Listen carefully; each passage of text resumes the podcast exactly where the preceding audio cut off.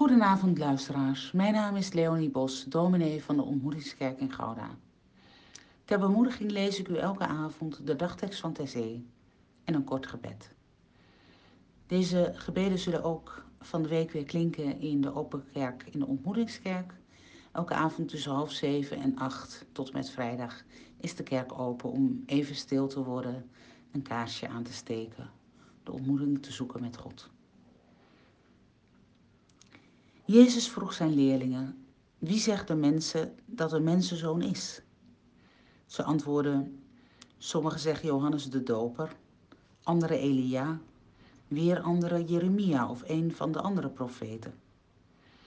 Toen vroeg hij hun: En wie ben ik volgens jullie? U bent de Messias, de zoon van de levende God, antwoordde Petrus.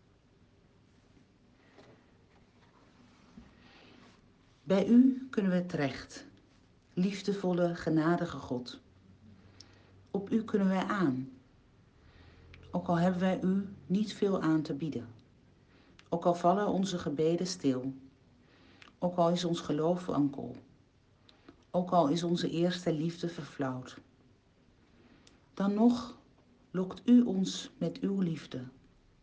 Dan nog roept u ons bij onze naam. Dan nog klinkt uw stem, onvoorwaardelijk bij de doop. Jij bent mijn geliefde zoon, in jou vind ik vreugde. Je bent mijn geliefde dochter, in wie ik vreugde vind. Dank u, Vader, dat u de wereld lief hebt. Dank u, Jezus Christus, dat u ons aanneemt als uw leerlingen. Dank u, Heilige Geest, dat de vrucht van de liefde zichtbaar is. Eer aan de Vader, de Zoon en de Heilige Geest.